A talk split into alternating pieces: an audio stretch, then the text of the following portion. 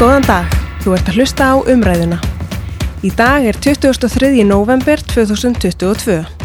Þátturinn er tvískiptur. Fyrst ræðum við stýrivaksta hækkun Sæðlabankan sem tilkynnt varum í morgun. Setni luti þáttarins er helgaður umhverfismálum og sjálfbærni. Við ætlum að tala um hlutverk og ábyrð fjármálageirans í baráttinu gegn lofslagsbreytingum. Ég heiti Hildur Marget Jóhannsdóttir og er hagfræðingur á Hagfræðideil Landsbankans. Hér setja með mér kollega mínir á Hagfræðildinni, Ari Skúlason og Gustaf Stengrimsson. Á eftir kemur svo aðalheiður Snæbjörnardóttir, sjálfbærni stjóri bankans. Landsbankin er fjármálafyrirtæki sem lítur eftirliti fjármála eftirlitsins. Nánari upplýsingar og lagalegan fyrirvara má finna á landsbankin.is umræðan hlaðvar.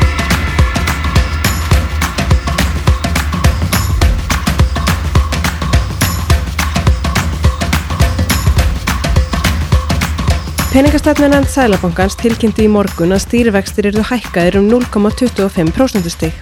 Þeir standa nú í 6% og þetta var tíunda hækkurinn í röð síðan í mæ á síðasta ári.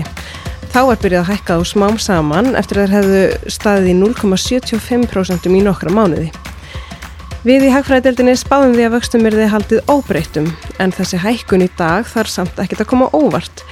Ásverðbólgan í oktober mæltist 9,4% og hafði þá aukist örlíti frá því mánuðin og undan.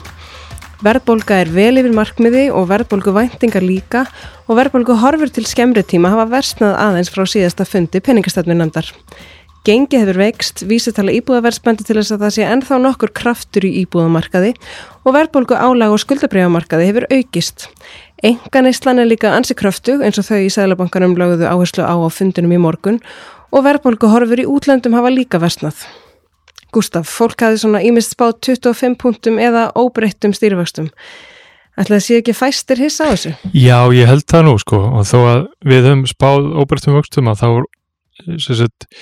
gerðum við ráð fyrir því að er því rætt á fundinum sagt, þessum fundi þar sem að ákvörðinu var tekin að vextir eruðu kannski hækkar um 25 punta eða 50 punta þannig að þetta er svo sem ekkit sem að kemur þannig séð óvart Um, sko eftir síðasta fund peningastofnun nefndar þegar vexti voru hækkaði síðast þá svona hljómaði Sælabankastjóri svolítið eins og hann triði í svona jafnvel að toppi vextahækkana væri náð þótt hann að vissu sem ekkert lofaði neinu. En nú var svona svolítið alvarlegri tótn í honum. Hann talaði til dæmis um að kjálfasta verðbólguvæntinga væri veikar en áður sem þýðir bara svolítið svona það að það þarf minna til þess að hakka væntingum og óvænt verðbólka hefur meiri áhrif á verðbólkuvæntingar heldur nú gerði áður sko, er þetta ekki svolítið vandar frétti fyrir penningstöndum? Jú, þetta var eða svolítið líkil setning í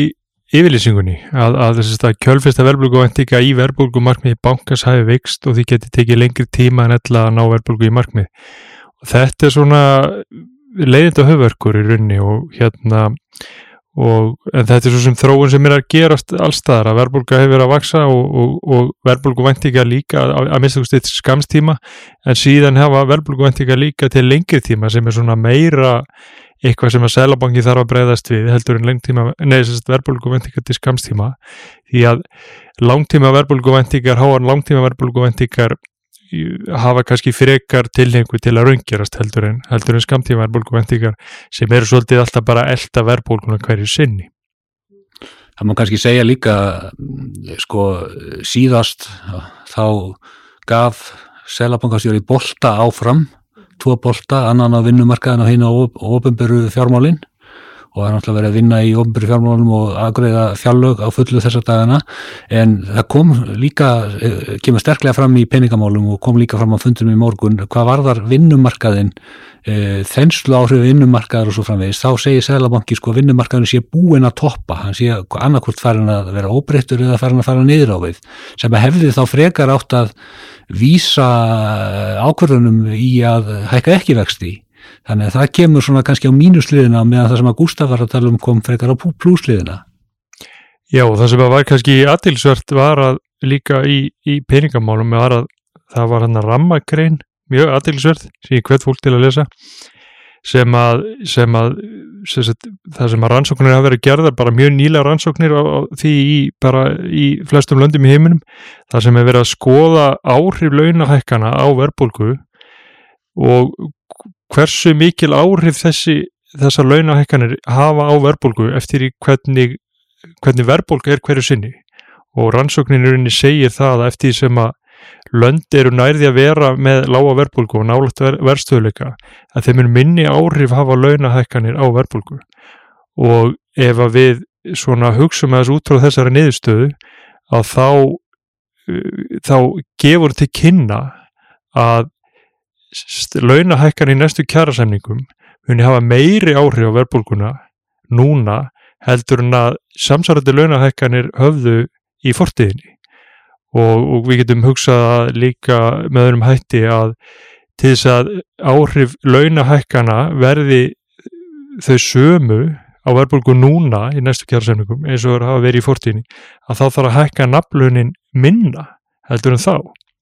og það er unni mjög allirsverð niðurstaða. Já, má kannski segja í þessu sambandi sko þá skiptir líka þáttur eins og viðskiptakjarabati mjög miklu máli sem hefur hjálpað okkur á síðustu 5-6 árum við höfum fengið viðskiptakjarabata á heppilugum tíma sem hefur þýtt að, að það hefur sagt að uh, fara í gegn með hærri launahækkanir en, en ella á þess áhrifin eru þeins mikil en þetta er alveg rétt sko að auðvitað eftir því sem verðbólgan er lægri því, því betur gengur hvernig, hver, hvernig sem er og erum bara því miður í hári verðbólgu núna. Einmitt. Já, þetta er allt beintengt, þessi kjálfesta vendingana, allt, þetta er beintengt þessum áhrifum uh, launahækana á verðbólguna. Já, og, og við erum bara, eins og þú komst inn á áðan að, að hérna, þessi áhrif verða meiri, þess að meiri áhrif ef að verðbólgan verður óvænt meiri núna á næstunni þá mun að hafa meiri áhrif á langtíða verðbólguvendingar heldur en ef að langtíða verðbólguvendingar væru læri fyrir þannig að hérna ef við bara segjum svo svo með að við þessa, þessa tölu sem að Selabanki var að segja hérna að ef að heimili gera á fyrir 9% verðbólgu í janúar en verðbólga verður 11% að þá þýðir að það að langtíma verðbólguvendingar heimila munu vaksa um 0,8% stík sem að sem er ekki gott. Uh, já, við erum að tala um verðbólguvæntingar og kjölfestu verðbólguvæntingar sem við veitum ekkert hvað þetta er eða hvernig þetta er mælt. Gustaf, viltu kannski fara aðeins yfir það hvernig veit Sælabankin hvaða væntingar heimili og fyrirtæki hafa til verðbólgu? Já, það er náttúrulega bara frangat að skoðana kannari meðal, meðal fyrirtæki og heimila og þau eru bara að spurð hvert, hvert, hver, hvað heldur þú að verðbólga verð eftir eitt ár og eftir tvö ár hver heldur að meðalverðbólgan verða á næstu fimm árum þannig að þetta er unni bara já, kannanir sem eru gerðar og, og svo hérna e, það er selabanki þetta bara í hendur og, og, og rínir í þetta og sér hvernig það þróast yfir tíma. Svo er hann alltaf með annars konar mælikvarða á verðbólguvendingar sem eru, eru verðbólguvendingar á skuldabriðamarkaði og þá er unni bara tekin mismunum á overtröðu kröfunni og verðtröðu kröfunni og, og mismunum þarna á milli á þá endur spekla einhvers konar mat skuldabræðamarkaðarins á verðbólku til þess tíma sem að, sem að skulda, eða þess að bara líftíma breyfana líftíma breyfana, já. Mm -hmm. það lítur kannski ekki alveg nógu vel út. Verðbólku horfurnar hafa vestnað og, og, og vextir eru en þá hækka, við veitum ekki hvort það gera það aftur næst og svo er alltaf erfitt að segja til um að hversu lengi vakstastíð helst svona hátt og það fyrir þetta eftir verðbólgunni, fórsendurna breytast hratt en við veitum bara að markvið Sælabankars er að ná niður verðbólgu. Uh, Gustaf, viltu kannski bara segja þess frá því hvernig okkar verðbólgusspá lítur út? Við hefum uppvartanadaldi núna með til þetta veikari krónu. Uh, viltu kannski fara hans yfir? Já, sko þetta er náttúrulega bara það sem að var að hafa áhrif núna kannski síðast. Við vorum að gefa nýla út verðbólgusspá fyrir, fyrir næstu mánuði að það sem að helst var að gerast frá því að við gáum út spá í oktober var náttúrulega mjög mikil og röð veiking á gegn krónar Efran fór hérna bara eða 143 í, og yfir 150 krónur bara á mjög stundum tíma. Og, og ver, við þekkjum það náttúrulega bara að, að gengi hefur náttúrulega mjög mikil áhrif hefur alltaf haft og mun sennilega alltaf hafa mikil áhrif á verðbruku hér á landi. Þannig að, að þetta ásand því að við að það kom hérna verðhækkun á húsnaði sest, frá HMS verðhækkun á húsnaði á höfbruksvæðinu var aðeins meiri en við væntum. Þannig að það er kannski þetta fyrst og finnst þetta tvent sem er að valda því að, að við gerum áfyrir því að verðbólgan hægi hjaðnar eða er að segja, við getum sagt að við hliðrum hjöðninni fram í tíman við vorum að gera áfyrir í oktober að verðbólga er í 8,8% í nógumber en nú erum við spáðum verið 9,3% og í oktober voru að spáði að verðbólka í februari í 7,1%, nú við að gera ráð fyrir að hún verði 8,4% þannig að þetta er svona aðeins að hægja á því hvernig, hversu rætt verðbólgan hjarnar. En við erum samt sem áður við höfum ekkert breytt okkar skoðan á því að, að við teljum áfram að verðbólgan muni hérna bara spurning hversu rætt það gerist og, og hérna Já, með hvað hætti? Ég held að mig bara segja að þetta sé hliðrun sko, við segjum það sama á síðast, það kom okkur á óvart að vextutur eru hækkaðir, þannig að þeir verða uh, 25 punktum herri í einhver tíma og svo fara þeir að lækka og það gerir staðið setna heldur en við sögum síðast, þannig að kannski er þetta svona eitt smá auka spark inn í þessa þróun og við gungum svona út frá því ennþá að hún verði bara nokkuð svipu og við sögum síðast, fyrir utan þessi, þessa 25 punkta. Já og svo bara þróunin á langtíðanverðbólgu vendingunum sem að verður bara áhugaverð því að Sælabankin er greinlega að setja svolítið kastljósi á þetta með þessari, með að setja þetta svona með þessum hætti inn í villisíkuna og ef að það mun ganga hægt niður að, að ná langtíðanverðbólgu vendingunum niður þá mun vextir sænilega þurfa að vera mögulega herri eða lengur háir heldur en ella. Nei mitt. Og eins og þú komst inn á Gustaf þá uh, hækkaði íbúðaverð meira í síðasta mánuð heldur en við byggumst við. Sælubankastjóru talaði líka um að það væri ennþá mjög mikil undirleikjandi eftirspurn á íbúðamarkaði.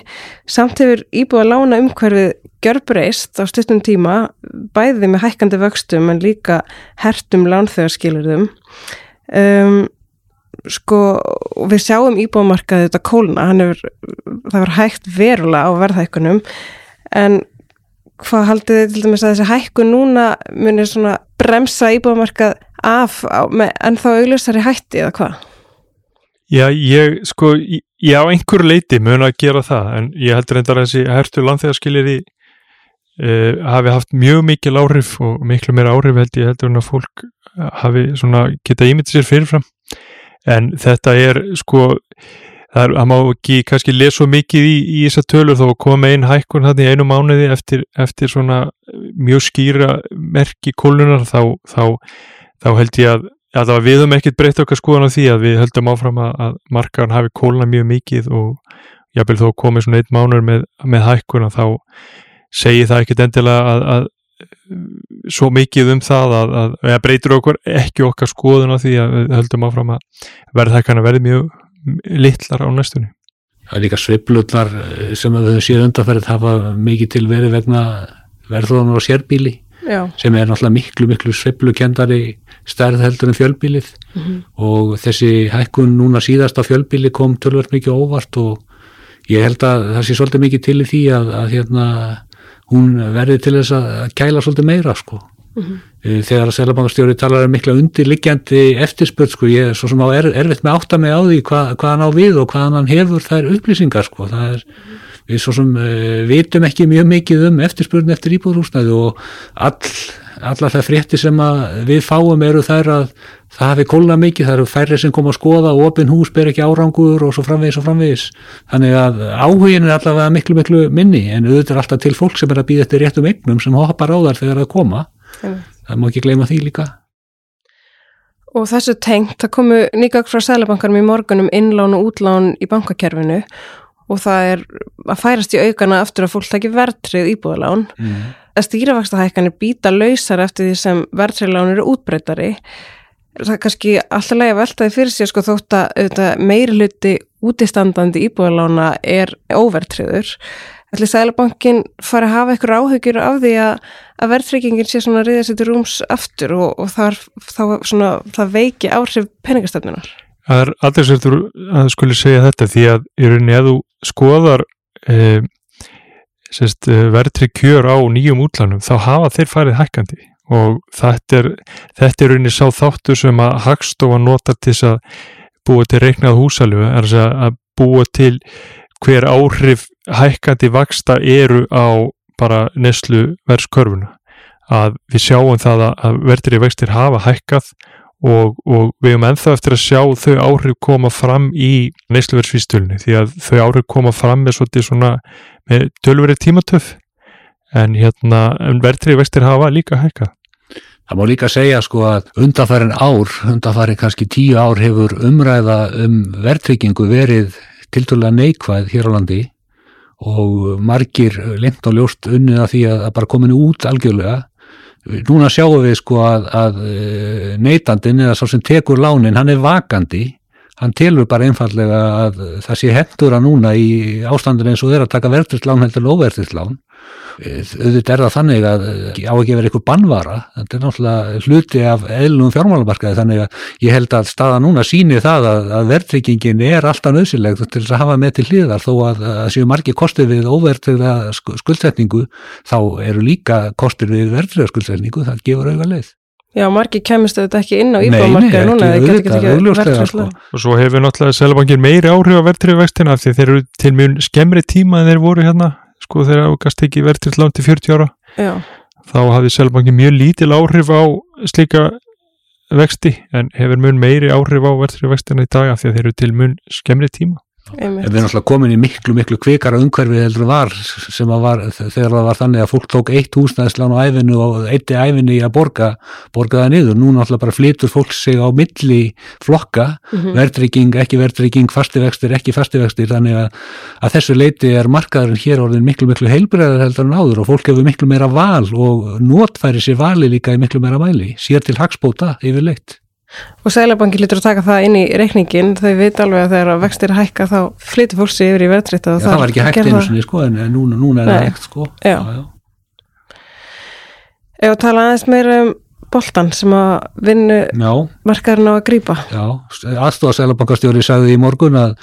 fótbólti var í fallir ef að menn spiluðu saman heldur en allir var að spila solo og það er svolítið mikið til í því og ég held að sé svolítið mikið til í að líkingin hjá henni sé rétt. Einmitt. Já og hvað heldur að sé að gerast núna í viðræðanum? Ég held að sé bara afskaplega lítið að gerast vantarlega hafa einhverju verið að býða eftir að fá uh, skilabóðs á selabokkanum í dag. Þeim er auðvitað tekið mjög misjaflega svo sem hirst að uh, úr átt uh, verkarhalsleitu að, að ákvarðan þessi er hreint útsagt fáránlega sko. En náttúrulega reiknuðu mjög margi þó að við í hagfræðildin hefðu reiknað með óbreyttu þá voru miklu fleiri við sem reiknuðu með að vextið myndi hækka þannig að það kemur ekkit óvart. Mm -hmm. en þetta verður eitthvað þjark náttúrulega Sælabankin kom líka með, eins og Gustaf kom inn á áðan sko, töluverðar töluvert mikla umfjöllun um hvað myndi gerast ef að laun myndi hækka meira heldur en ella. Í spílónum er einhvers konar 6-7% launahækkun eins og hefur verið síðustu ár og Sælabankin tekur dæmi hvað ef að, ef að hérna, e, launin hækka 5% meira það, upp, í, upp í 11% eitthvað svo leiðis, 11-12% og uh, sýnir bara fram á út frá sínum mótelum hvaða áhrif það hefur á um, vinnumarkaðs eftirspurn, fjölda starfa og svo framvegis. Og hvað er líklegt að, fyrirtækin gerir til þess að mæta því? Það er enda mjög aðtiklisvert í, í þeirri umfjöllun að það er ekki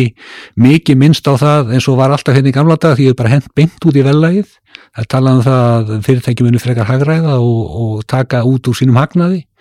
og það er náttúrulega gemur í, í tengist því sem Gustaf sagði á þann um hvernig, hvernig fyrirtæki haga sér. Þannig að þetta er eflust verið að ræða allt saman við borðið og, og, og, og svo er spurning hvort að hvena niðurstaða kemur en, en það náttúrulega gefur auga leið að, að það er náttúrulega mjög mikið þungi í að fá mikla launahækkanir og öruglega töluvert mikið gert að því að reyna að skýra út að mikla launahækkanir skil ekkit endilega betri árangur heldur en þær sem eru læðri. Þannig að þetta er sama sagan aftur og aftur. Ja, mörgu leiti finnst manni þetta vera eh, í, í nokkuð förstum skorðum sko. þetta kannski má segja að þetta sé svona augnablík sko, störu keppni sko. Selabankastjóri segir í annarskipti núna, ég vona við þurfum ekki að hækka vextina meira en við þurfum að, við erum búin að senda bóltan í tvær áttir, við erum búin að senda bóltan á vinnumarkaðar og við erum búin að senda bóltan til stjórnvalda, hvað ríkisfjármáli varðar og nú fyrir jól verða ný fjárlög samþygt og það er náttúrulega fjárlega vinna í gangi algjörlega fullu núna. Þó að sé ekki mikið talað um hana þá er náttúrulega unni dag og nótt við að eh, koma fjárlögunum saman. Og það náttúrulega gefur augalegum að það er ekki að opna fréttatíma eh, til þess að maður sér í hverju einasta fréttatíma það er allstað þörf fyrir meira, meiri útgjöldum hins ofinbera þannig að það er svona auðveldar um að tala nýja komast. Þannig að það verður uh, svolítið spennandi að sjá hvernig nýðustafan verður fyrir fjallagavinnina og hún skiptir líka máli, það er Anna Bóltinn sem er verið að tala um þessu sambandi. Já, við þurfum að býða sjá hvað gerist. Segjum þetta gott í byli, við færum okkur svo yfir í lofstasmálun hérna rétt á eftir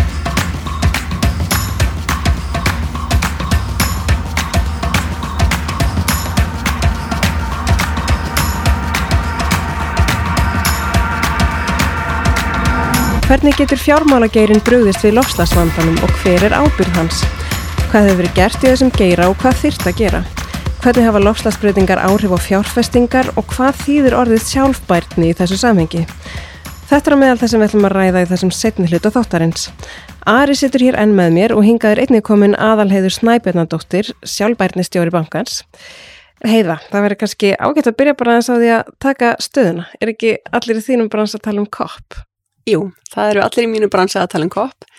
Og fólk er misjaflega ánægt með niðurstöðunar að þær hafi ekki verið nógu sterkar en það er allavega er ennþá stemt að hérna, eins og hálskræðamarkmiðinu sem að var ákveði í Glasgow. Og það er búið að fá vilir fyrir því að hérna, við Vesturlöndin setjum á stað sjóð til þess að styðja við þróunaríkin til þess að bregðast við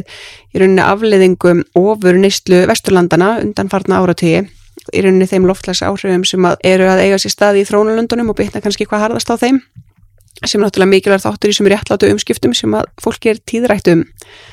en jú, COP27 er svona það sem er heitast í umræðinu núna Og það var svona allt örfisi hljómur í fólki heldur en í Glasgow í fyrra. Það var miklu svona dekkri samkoma, eða ekki? Jú, þetta, þetta var mikið dekkri samkoma og ég held hún verði það bara áfram um komandi tíða því að þessi ári eru ansi fljóta líða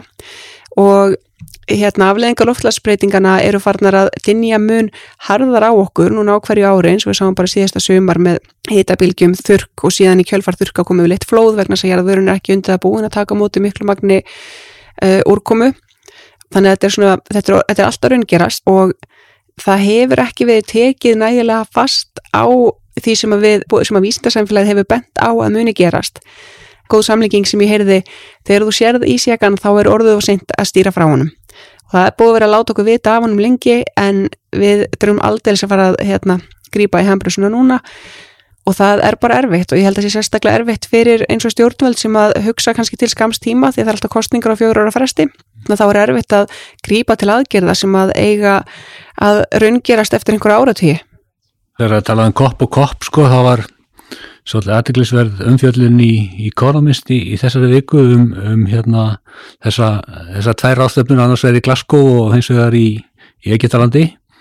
Og uh, það sem að sko uh, Economist segir sko að, að fjármálagerin hefði mætti mjög vel í Glasgow og voru gladbeittir og þóttist þeirra að bjarga heiminum með félagslegum fjárfestingum og, og koma penningunum að rétta staði og svo framvegis. En það voru miklu færri núna í, úr fjármálageranum á ráðstöfnum í Egiptalandi vegna þess að, fyrst og fremst vegna þess að aðstæðunar eru svo gjör breyttar, sko, heimurinn er allt, allt öðvísi, þegar að eh, við erum í þeirri stöðu núna besta áherslu sem við getum fengið þar að fjárfesta í oljufyrirtækjum og kólafyrirtækjum eftir að, eftir að strípir í Úkrani og verður orkuskortur, þannig að þessar aðstæður eru fljótar að breytast og hafa sérsagt áhrif auðvitað á allt sviðið, sko, þegar að, þegar að verða svona grundvalla breytingar og auðvitað er náttúrulega fullt af góðum möguleikum uh, að fjárfesta í, í, í vindmilnum og sólarorku og svo framvegis. En hitt er að þvælast ansið mikið fyrir. Það sem átt að vera niðurleið er allt í norðið aðal. Einmitt, já og það er kannski svona það sem skýrir svolítið hvað þessi samkoma miklu þingri heldur en í Glasgow. Já, algjörlega. Við sittum inn hérna í banka og tölum um þetta og þá er ekki úr vegi að ræða það hvað fjármálageirin getur gert Fjármálageirin hefur völd og það er með ábyrg gagvart lofstafsmálum. Ari, þú skrifaðir nýlega grein um þetta, sko, um fjárfestingar sem er að stöðla sjálfbærni og svona heiminn í kringum þær. Mm -hmm. Þú fjallaði reyndar ekki síst um þá gaggrinni sem er komið fram á það hvernig er lagt mat á það hvort fyrirtæki standist kröfur um sjálfbærni. Uh, viltu segja aðeins frá þessu bara til dæmis hvað þýðir að fjárfesting eigi að vera samfélagslega eða stöðlaði sjálfbærni? Já, þetta er svona rosalega stóra spurningar sko en það er náttúrulega liggur í augum uppi að, að, að fjármála geirin allur, ef maður tekur hann allan þá hefur hann eh, mjög, mjög miklu möguleika á því að hafa áhrif eh, bara með, eh, og þá tekur fjárfestana með sko, hver, hverjir í hverju þeir fjárfesta. Ef allir myndir fjárfesta í, í, í einhverju sem við kollum grænt eins og vindmilur, vassorka eða eitthvað slíkt þá skilar það árangri. Og ef enginn myndir fjárfesta í ólíufyrirtækjum þá ættu þau svo sem erfitt með að starfækja sig, tala ekki um ef fjármála fyrirtæki tækja upp á því að hætta að þjónustæðu og veita lána og svo framvegis. Þannig að svona í stóru myndinni þá ættu áhrifin að vera mikil en auðvitað er þannig að það stjórnar ekki fjármálageran, hann stjórnar sér sjálfur og það er náttúrulega einstaklingarnir sem að og atferðlið sem að skiptir máli. Staðinu þannig núna að uh, menn er að spá í akkurju vegna þess að það er ekkit að ganga sérstaklega vel ávöxtunin og ávöxtunar möguleikar í sambandi við félagslega fjárfestingar. Akkurju er fólk enna fjárfest í þessu vegna þess að það hefur ekkit minka, það helst ekki algjörlega hendur. Og þá er svarið vendarlega það að það er vegna þess að þeir sem fyrst og fremst fjárfesta í samfélagslegu hliðinu og grænu hliðinu er yngra fólk sem hefur ekkit áhyggjur af, af skamtímasöflum, sem hefur, ekki, hefur minni áhyggjur af skamtímasöflum heldur heldur en eldra fólk, þannig að það bara býður og þólimótt og segir þetta kemur, þetta kemur sem er náttúrulega mjög góður hugsanahættur í, í þessu sambandi. En það sem að ég var að fjalla svolítið um í greininni ástandið hvernig það er í raun og veru, þetta er náttúrulega heimur sem verður til kannski freka skindilega og hann er, er búin til af hugssjónafólki sem uh, langar til þess að breyta heiminum og ykkur fólki sem á peninga sem langar til að leiða eitthvað gott af sér. Við getum til dæmis tekið bara mannin hér sem er að búa til rampana sem uh, er svona típist svoleiðistæmi en síðan gerist það sko að greinin sjálf og stór fyrirtæki sjá þarna möguleika til þess að koma inn. Þannig að stór hluti af öllu þessu græna sem er að, er að gerast er framkvæmt af stórum eignastýringahúsum, er búið til sjóði, búið til möguleika og svo framvegis og það gerist eins og gerist oft í fjármálageranum og við þekkjum nokkuð vel Íslandingar að, að menn fara stundu fram úr sjálfum sér og lofa full miklu og við höfum tvö dæmi um það að, að eftirlitsaðilar hafa komið og stoppað í raun og veru, stoppað til dæmis eh, dótturfyrirtæki Deutsche Bank sem að sagði og mikið. Og eh, svo síðan annað dæmi er það að stór banki í Breirlandi lendi því að eh, auglýsingar frá honum voru líka stoppar vegna þess að þeir voru að lofa miklu með þess að þeir gáttu eh, uppfyllt. Þannig að í raun og veru þá verður til hann á tildulega stundum tíma mjög stór fjárfestingarheimur og alla reglur í kringum hann eru svona tildulega lausar, allt sem heitir mat á því hvað er gott og hvað er ekki gott, mat á aðferðum og svo framvegis, þetta er allt saman í tildulega lausu lofti, vantar í raun og veru stöðlun og meira eftirlit. Eftirlitið hefur reyndar aukist mjög mikið, bæði í bandaríkjunum ekki síst í Európa-sambandinu þar sem við höfum hýrt svona skrítin orðin svo taxonómi og svo framvegis og Európa-sambandinu sem er náttúrulega bara flokkunar kerfi fyrir fjárfestingamöguleika sem er náttúrulega algjörlega nöðsilegt í þessum heimi. En í raun og veru má segja sko að mjög margt í kringum hennan heim hefur fram að þessu verið svolítið löst í reybónum og, og menn uh, svolítið gjarnir á að halda fram hlutum sem að, sem að ekki standast. Og ef maður ber þetta sama við til dæmis bara ásreikningakerfi fyrirtækja þá er það uh, í mjög förstum skorðum. Líka það sem heitir sko hérna, lánshæfismöt og svo framvegis allt saman í tildulega förstum skorðum og notaða sambarilegar aðferðir. En enn sem komið er í þessum heimi grænna fjármála er svona svolítið lausara ástand sem þarf að festast ef þetta að vera verulega trúverðust umhverfi. Bara eitt dæmi viðbútt er það til dæmis sko að það eru mörg fyrirtæki sem hafa gefið skuldbindingar um það að þau ætli sér árið 2050 eða árið 2040 að vera orðin hrein og það að verða hreitn á einhverju ára, árabili kostar alveg gífurlega mikla fjármunni en samt sem áður sko hefur þetta lovorð engin áhrif á verðlagningu fyrirtækis sem að segja manni það að fjárfestinir taka þetta ekkit alvarlega sem er alltaf svolítið, svolítið skrítið í, í svona umhverfi. Þannig að þetta er alltaf bara réttri leið og verður eflust betra þannig að það tekur bara tíma. En þetta, hvað þessi staðlar eru svona óljósir, ætla að sé að því að það er fyrirtækinum í haga hafa þetta óljóst eða er það bara því að þetta er nýtt og við hefum bara eftir að finna eitthvað leið til þess að gera þetta betur. Sko ég held að þetta sé vegna þess að þetta er nýtt og ég held að fyrirtæki sem eru að lenda í svona hérna, að lofa meirinu geta staði við að þau fara af staði meitt af, af góðum hug og hérna, sjóðir séu sættir saman til þess að ná fram einhverju breytingu en svo náttúrulega meðan það er algjörlega óljóst hvernig á að mæla þessa breytingu þá náttúrulega er kannski, eru áhrifin líka óljós. En núna náttúrulega eins og Ari myndist á taksónum í þáðan sem er náttúrulega bara flokkunarkerfi frá Evropasambandinu en núna er á leiðinni regluverk fyrir hérna löndi í Evropasambandinu og líka okkur hérna á skapnahagsvæðinu um sem sagt fyrir fjármálafyrirtæki um að sem sagt það er kallað SFDR og EU-taxonomy en þetta er sér að bara krafa um skýslugjöf og þá sem sagt að greina frá því hvaða eignir það eru sem að geta flokkast sem sjálfbarar og taxonomy eða flokkunarkerfið gefur okkur skilgrinninguna á því hvað það er að vera sjálfbær, flokkað eftir bara hérna atvinnugreinum. Auðvitað er ekki búið að flokka eða skilgrina allar atvinnugreinunar, þetta er ennþá flokkunarkerfi sem er í mótun en við ættum samt að byrja að nota það yfir það, það er atvinnugreinar sem er búið að skilgrina. En það sem við munum einni gera er að greina og tilkynna umbreytingar og raunlega áhættu sem við stöndum framifyrir af völdum loftlasbreytinga og loftlasáhrifa. Þannig að þá sem sagt eru komna samhæðaleiðbyrningar sem að er hægt að taka út og hérna endur skona fyrirtæki geta tekið út eða aðrir sem að kunna taka út þess að vottaður aðlar sem geta tekið út að vera sér að fara eftir stöðlum. Og síðan í kjölfarið á þessu nokkur mánu, svona cirka tvei minúri setna mun koma það sem að er kallað CSRD sem er einni regluverk frá Európa-sambandinu þar sem að fyrirtæki, stór fyrirtæki verða krafin um sömu upplýsingar. Þannig að þá er þetta á réttri leið við erum allavega á leiðinni að skilgrina hvaða er að vera sjálfbært. Það er ekki lengur hægt að ákveða bara sjálfur hvaða á að vera og út frá þessu verða líka til þá leiðbynningar um hvað getur flokkast sem áhrifasjóðir. Um, það er sér að talað um sagt, artikul 8 og 9 allavega sem er þá í rauninni svona ljósgrænir og síðan dökkgrænir sjóðir og þá geta þeir fjárfestar sem að vilja hafa áhrif til góðs vitað að sjóðir sem þið sé að fjárfesta í sé að uppfylla kröfur um hérna sjálfbarnu, uppfylla kröfur um að, um breytingar er að það er búið að taka það út og staðfesta að þeir uppfylli það að vera það var artikul 8 eða artikul 9 sjóðir. Einmitt, þetta hlýtur náttúrulega alltaf að breytast og verða skýrara eftir því sem fleiri fjárfæstar átt að segja á því hvað þetta er raunveruleg, eh, hvað lofslags áhætta er raunveruleg, hvað þarf að taka tillit til hennar e, e, þegar ákverðanir eru teknur um fjárfæstingu og hvernig sem þessar staðlar líti út og verkefni eru metin og flokkuð þá hljóta svona fleiri og fleiri verður farnir bara að hugsa um þetta í öllum fjárfestingum bæði áhættu sem tengist beinum áhrifum lofslagsbreytinga en líka áhættu sem tengist viðbröðum stjórnvalda við lofslagsbreytingum, álögum og breytum reglugerðum. Já, þetta er náttúrulega sko, ný áhætta sem er orðin rauninveruleg. E, áhætta vegna lofslagsbreytinga, bara vegna flóða og, og fellibilja og, og svo framvegis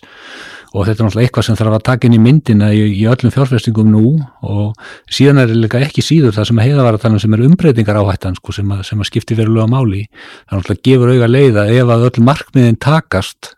um að ná sjálfbærni og ná kólefni slutleysi á einhverju tíma þá verður hellingur að atvinnugrænum út undan ef maður horfið bara til dæmis á kól, kól og ólíu þá náttúrulega myndast í þeim greinum alveg gífurleg umbreytingar á þetta ef, ef, ef enginn ætlar að fara að nota sko, ef allir eiga ramarspíl og enginn á bensinbíl og kólanótkun er ekki lengur inn í myndinni við að búa til ramagn og svo framvegis þá náttúrulega eru þetta eignir, þarna rosalega meklar eignir sem allt í einu, kannski ekki allt í einu en, en á tildulega skömmum tíma verða einskis virði og það hefur náttúrulega gífurlega áhrif á fjármálafyrirtækin sem eiga náttúrulega veð í þessu fram og tilbaka og svo framvegis þannig að þetta er, þetta er mjög, mjög stórt, stórt dæmi sem er áhættu samt en þetta er að tala um áhættu sko mitt. Ég held að muni breyta mjög miklu núna þegar fjármálafyrirtæki fara að mæla og greina frá þeim umbreytingar og raunlega áhættum sem við stöndum fyrir að völdum lofslagsbreytinga. Hinga til höfu alveg vitað að það sé áhætt að fólkin í þessu og auðvitað höfu alveg fjallað um þetta til dæmis í pilarskíslu bankans, hérna hjá landsbókanum, en núna þurfa bara öll fjármálafyrirtæki að byrja að mæla og veist mæla skilgrina og segja frá þessar áhættu.